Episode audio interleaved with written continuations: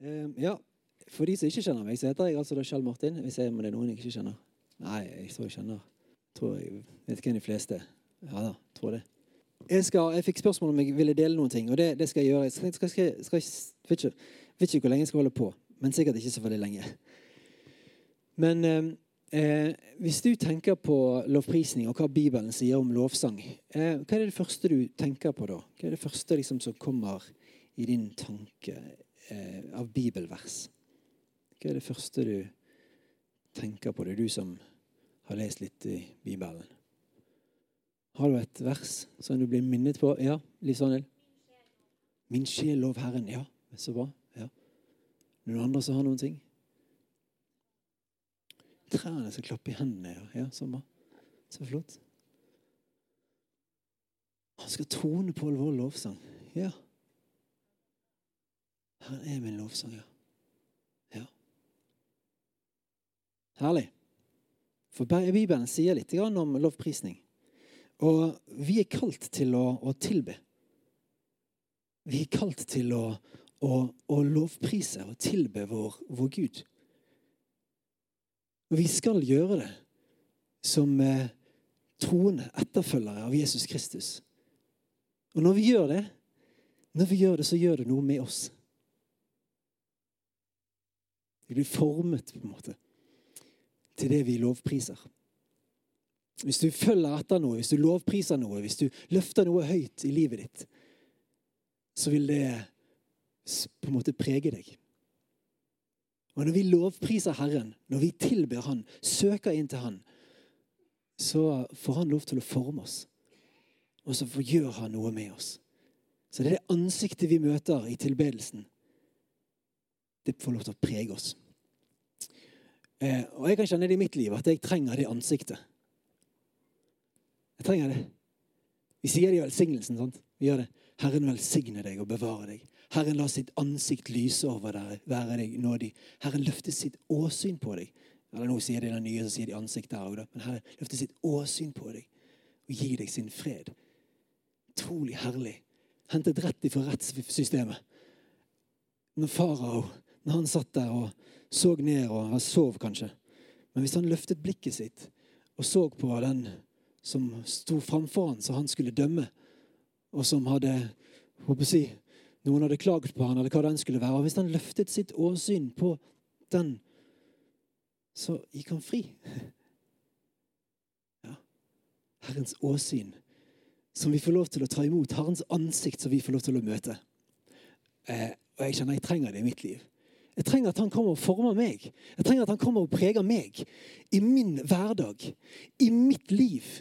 I møte med alle de som er rundt meg. Jeg trenger at han preger meg i forhold til denne verden. Jeg trenger at han gjør noe med meg og etterlater seg noe i meg. Og jo mer han kan etterlate seg i meg, jo bedre er det for meg i møte med denne verden. Da tåler jeg disse folkene som jeg omgir meg med, bedre. Ja, jeg gjør det. I dag, blant annet, så jeg kom på at søren òg, tenkte jeg. Jeg skulle ha ringt den og den. Og det skulle jeg gjort på mandag, da. Det er jo noen dager siden. Og så er det på en måte en sånn her, en sånn, et sånn ja, jeg må jo gjøre det. Kanskje litt for min egen skyld, for at jeg skal få en sånn litt sånn god samvittighet. For at jeg har ringt den vedkommende og spurt hvordan det går. Som jeg da skulle gjort på mandag.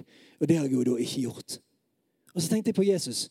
Hvordan han var drevet av medlidenhet, av kjærlighet. Og han handlet ut av medlidenhet og kjærlighet. Så tenkte jeg ja, Herre, jeg trenger det. Jeg trenger å være drevet ut av den kjærligheten, den medlidenheten.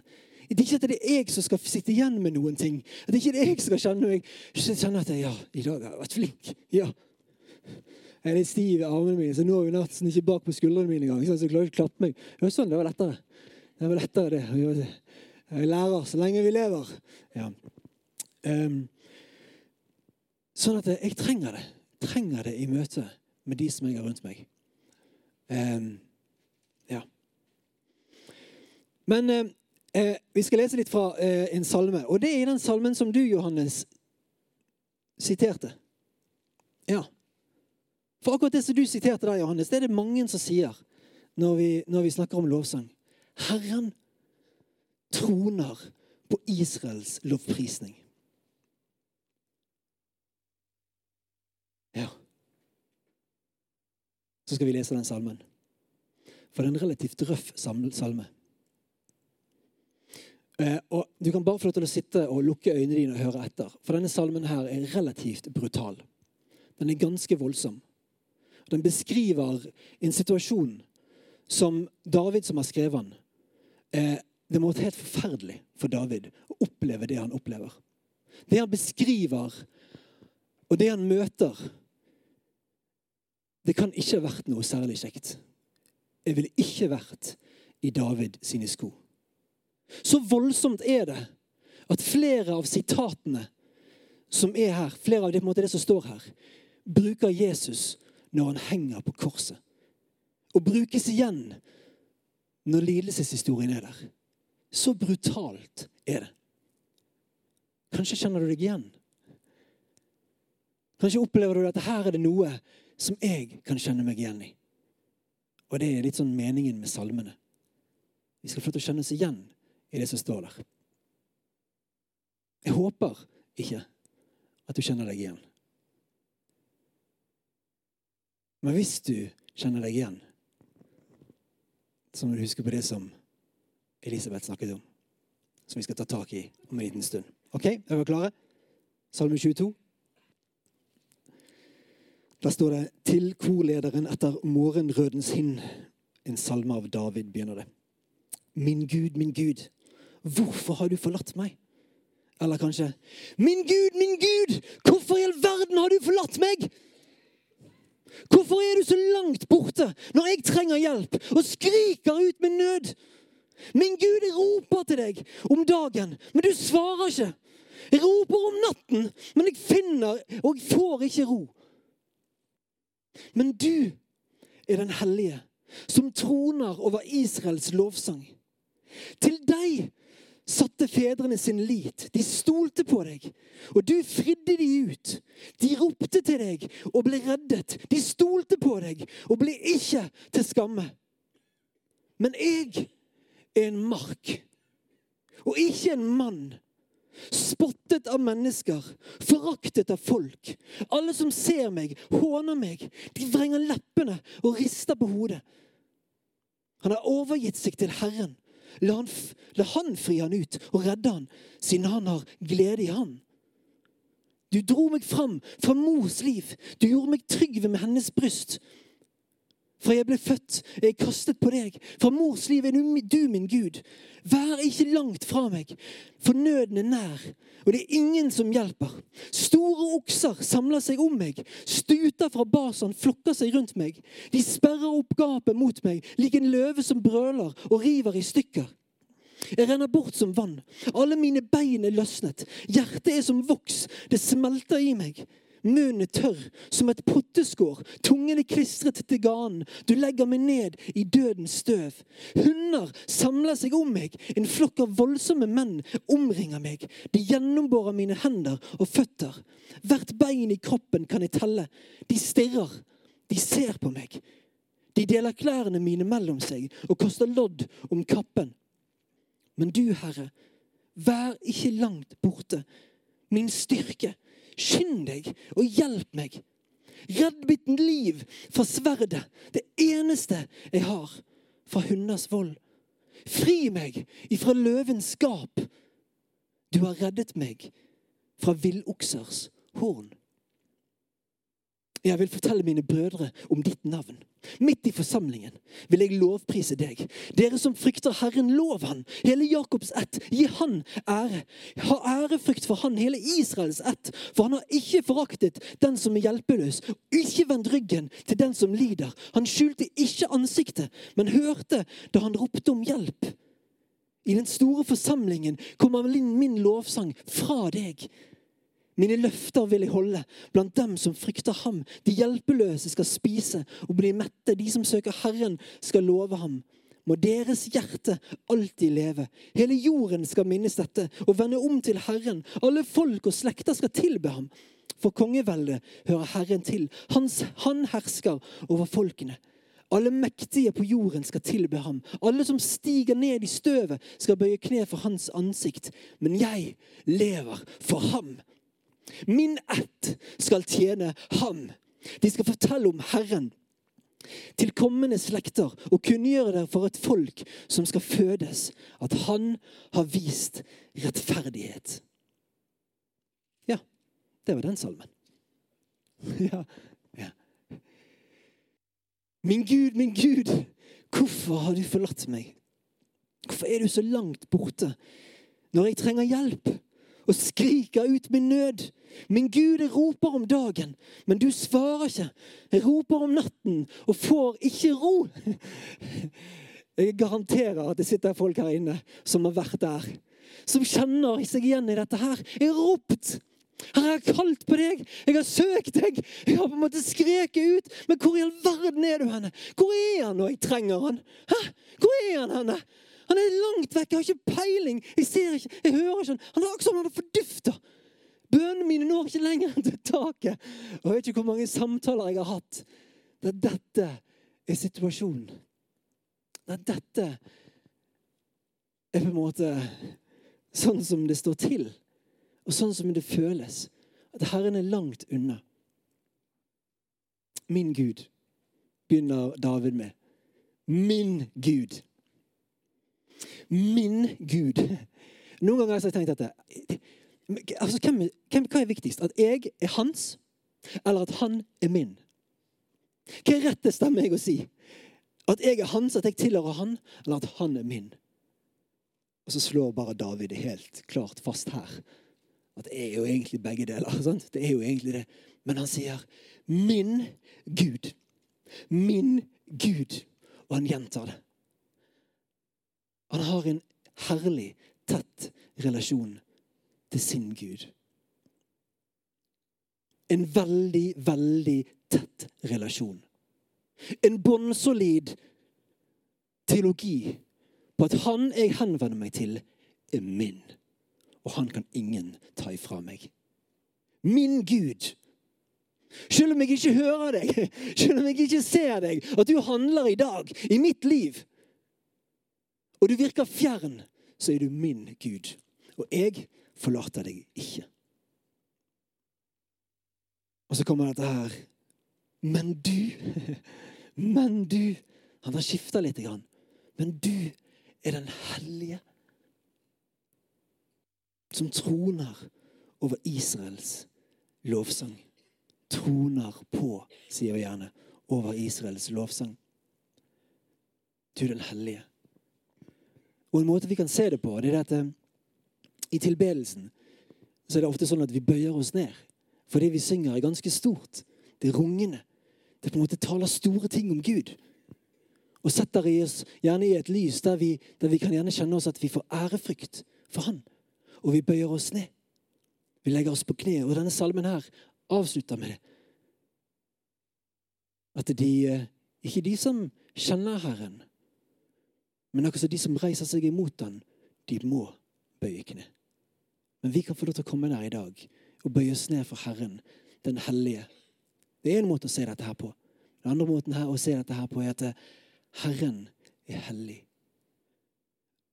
Og han kommer nær med sin trone og med den han er, med sin autoritet, med alt det han representerer, som skaper, som universets opprettholder, så bøyer han seg ned til deg og hører ditt rop. For at han vil være din hjelp. Immanuel, Gud med oss. Så kommer han der. Så sier han, 'Jeg er her. Jeg er her'. David minner Gud om hvem han er, og hva han har gjort før. Og det er utrolig godt å gjøre. Vitnesbyrdene våre. Vi snakket om dette her for ikke så lenge siden på Espeland. Men vitnesbyrdene våre er kjempeviktig. Utrolig viktig. Det Gud har gjort for deg. Det Gud har gjort i ditt liv. Måten han har handlet på i ditt liv, er kjempeviktig. Noen ganger må vi tørke støvet av de vitnesbyrdene vi har, for de er mektige våpen som gjør at vi overvinner anklageren, som det står om i Johannes kapittel 12. Johannes åpenbaring kapittel 12. De overvant. ved lammets blod og vitnesbyrdet. Eller ordet de vitnet. For til deg satte fedrene sin lit. De stolte på deg, og du fridde dem ut. De ropte til deg og ble reddet. De stolte på deg og ble ikke til skamme. Dette er Davids teologi. Dette er hans grunnlag for tro. Dette er det han stoler på. Du handlet før for fedrene.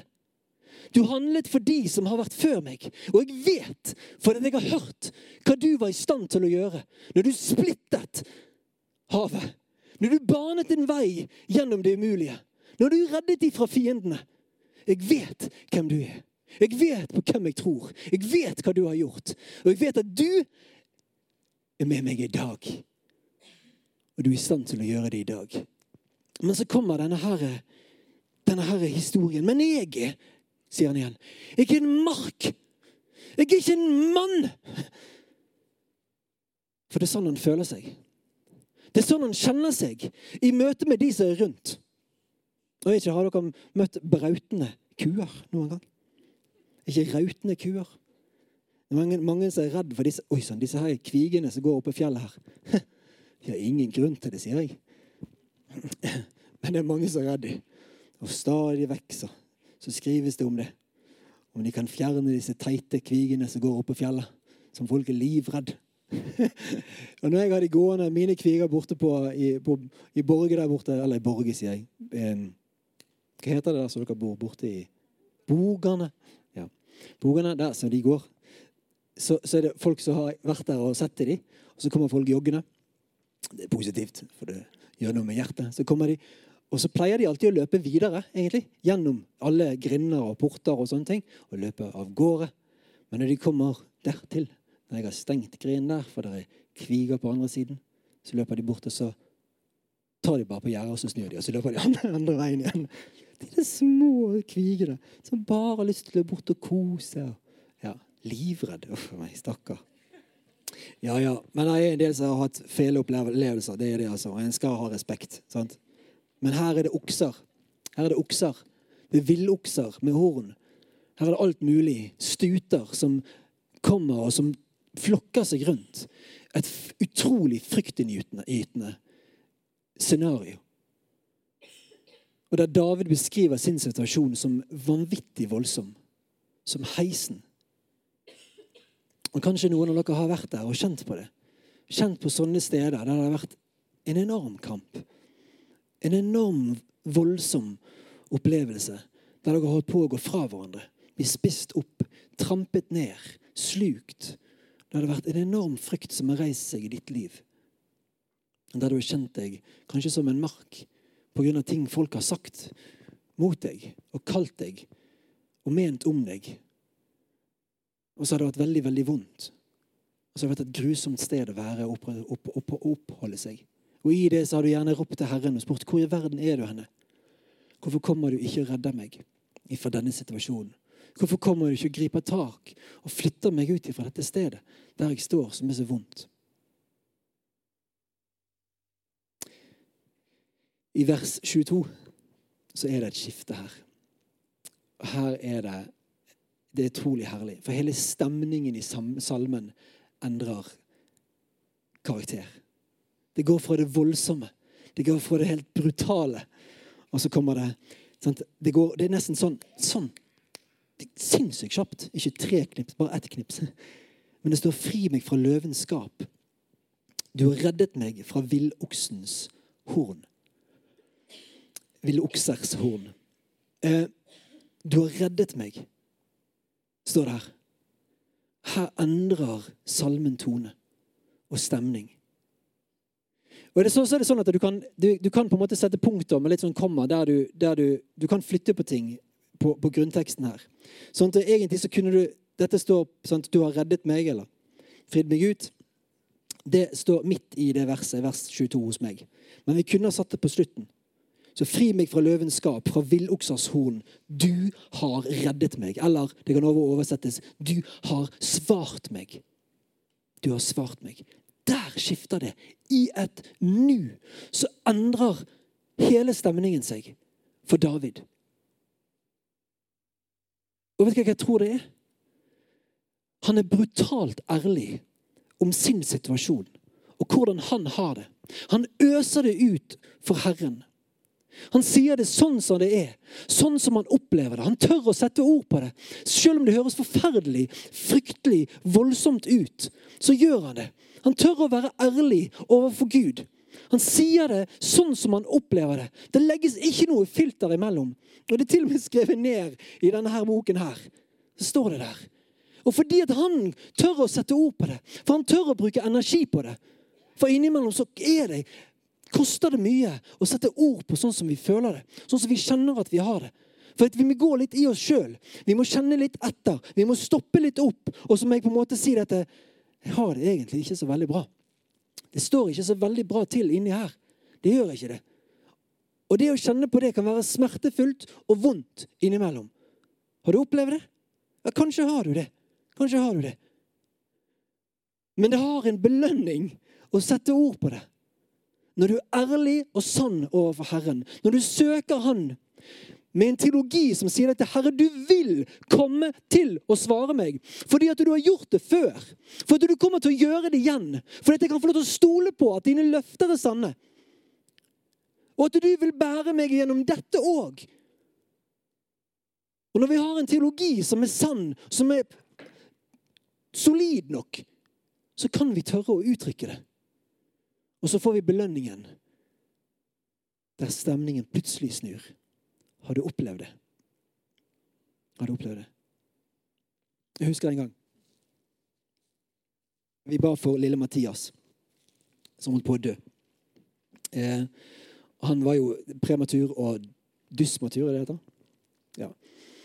Eh, og han eh, var knøttliten. Og rundt juletider så, så, holdt han på å stryke med mange ganger. Mm. Så husker jeg en av juledagene. Jeg husker ikke hvilken det var. Andre, tredje, fjerde. sant? Godt å ha sånne, sånne historikere med oss. Fjerde dag får vi melding, eller det ringer, og sier at uh, Mathias holder på å dø. Kan dere be? Og det gjorde vi. Vi bestemte oss med og at ok, vi er oppe natten. Vi ber gjennom den natten her. Når klokken var tre, fire ish, så kommer det en fred. Da har vi stått og bedt og bedt og bedt. Og bedt og bedt. Og så plutselig så er det bare sånn Stemningen endrer seg helt. Den er bare snudd på hodet. Og så sier vi jeg tror vi kan egentlig bare og legge oss. Og så gjorde vi det. Neste dag så hadde det jo gått kjempebra. Han var blitt ikke dødd. Han lever jo beste velgerne, så, så, han er jo Det går jo bra med han. Så, men stemningen skiftet. Stemningen, det endret seg veldig, veldig brått. Og sånn er det. Og sånn tror jeg det virker her. Det er ikke sikkert at omstendighetene endrer seg, men jeg er kommet på et sted med Herren der jeg kjenner at jeg står trygt. Der jeg er trygg. Der jeg vet at Herren er med meg. Derfor vil jeg lovprise Herren midt i forsamlingen. Derfor vil jeg løfte opp hans navn. Derfor vil jeg fortelle om han.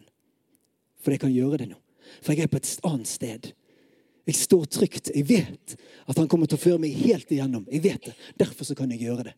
Derfor så kan jeg tale det ut Jeg kan komme med det. I vers 21 så står det 'Redd mitt liv fra sverdet'. Det eneste jeg har fra hunders vold.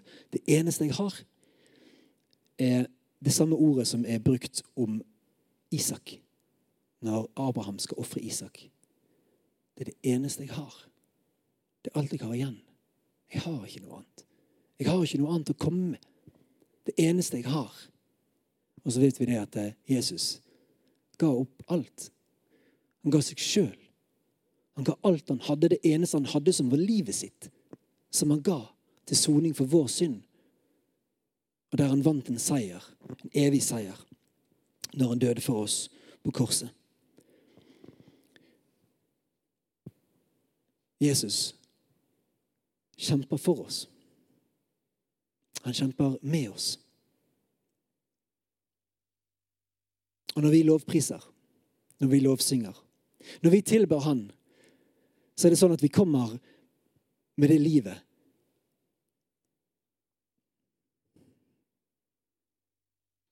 som vi har. Med alt det vi bærer med oss. Om det er rop, om det er skrik, om det er glede, eller hva det skulle være, så kommer vi med det. Herren er mektig nok til å gripe inn i din situasjon. Han har hørt deg, og han hører deg, og han vil svare deg. Mhm. Han vil det. Og Det som er så herlig, det er det at eh, det David har opplevd her, det vet vi ikke hva er for noe. Det han gikk igjennom her, det, det vet vi ikke hva er. Men det må ha vært noe brutalt, noe voldsomt, som blei en profeti over Jesus. Over det som skulle skje med han. Og så blei det akkurat som noe som Jesus kunne ta opp seinere i sitt liv og bruke midt inn i den han var. Men det begynte med en historie eller en opplevelse som David hadde, som dreiv han inn i det. Der han så for seg, der han skrev, der det var så brutalt og så voldsomt. Og så plukker Jesus det opp igjen. For det gjelder jo han òg. Og så er det ditt vitnesbyrd. Og så er det de seirene du har vunnet i ditt liv. Og når du setter ord på de For jeg husker at en gang så var jeg der, så du er nå. Det virker sånn når du snakker med andre. Jeg var der. Men så grep Gud inn, og så gjorde han noe der som jeg var. Og nå er jeg ikke lenger der, men nå er jeg her. Nå er jeg fri. Ja. For Jesus grep inn. Han kom og reddet meg.